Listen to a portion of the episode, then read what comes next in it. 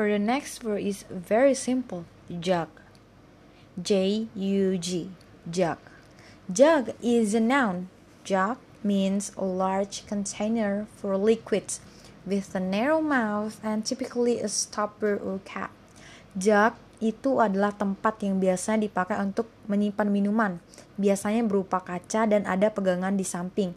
Mungkin kalau kalian ada di rumah itu yang seperti teko tapi bukan teko, seperti gelas kaca yang besar dan isinya itu bisa teh atau minuman lainnya. Itu arti dari jug.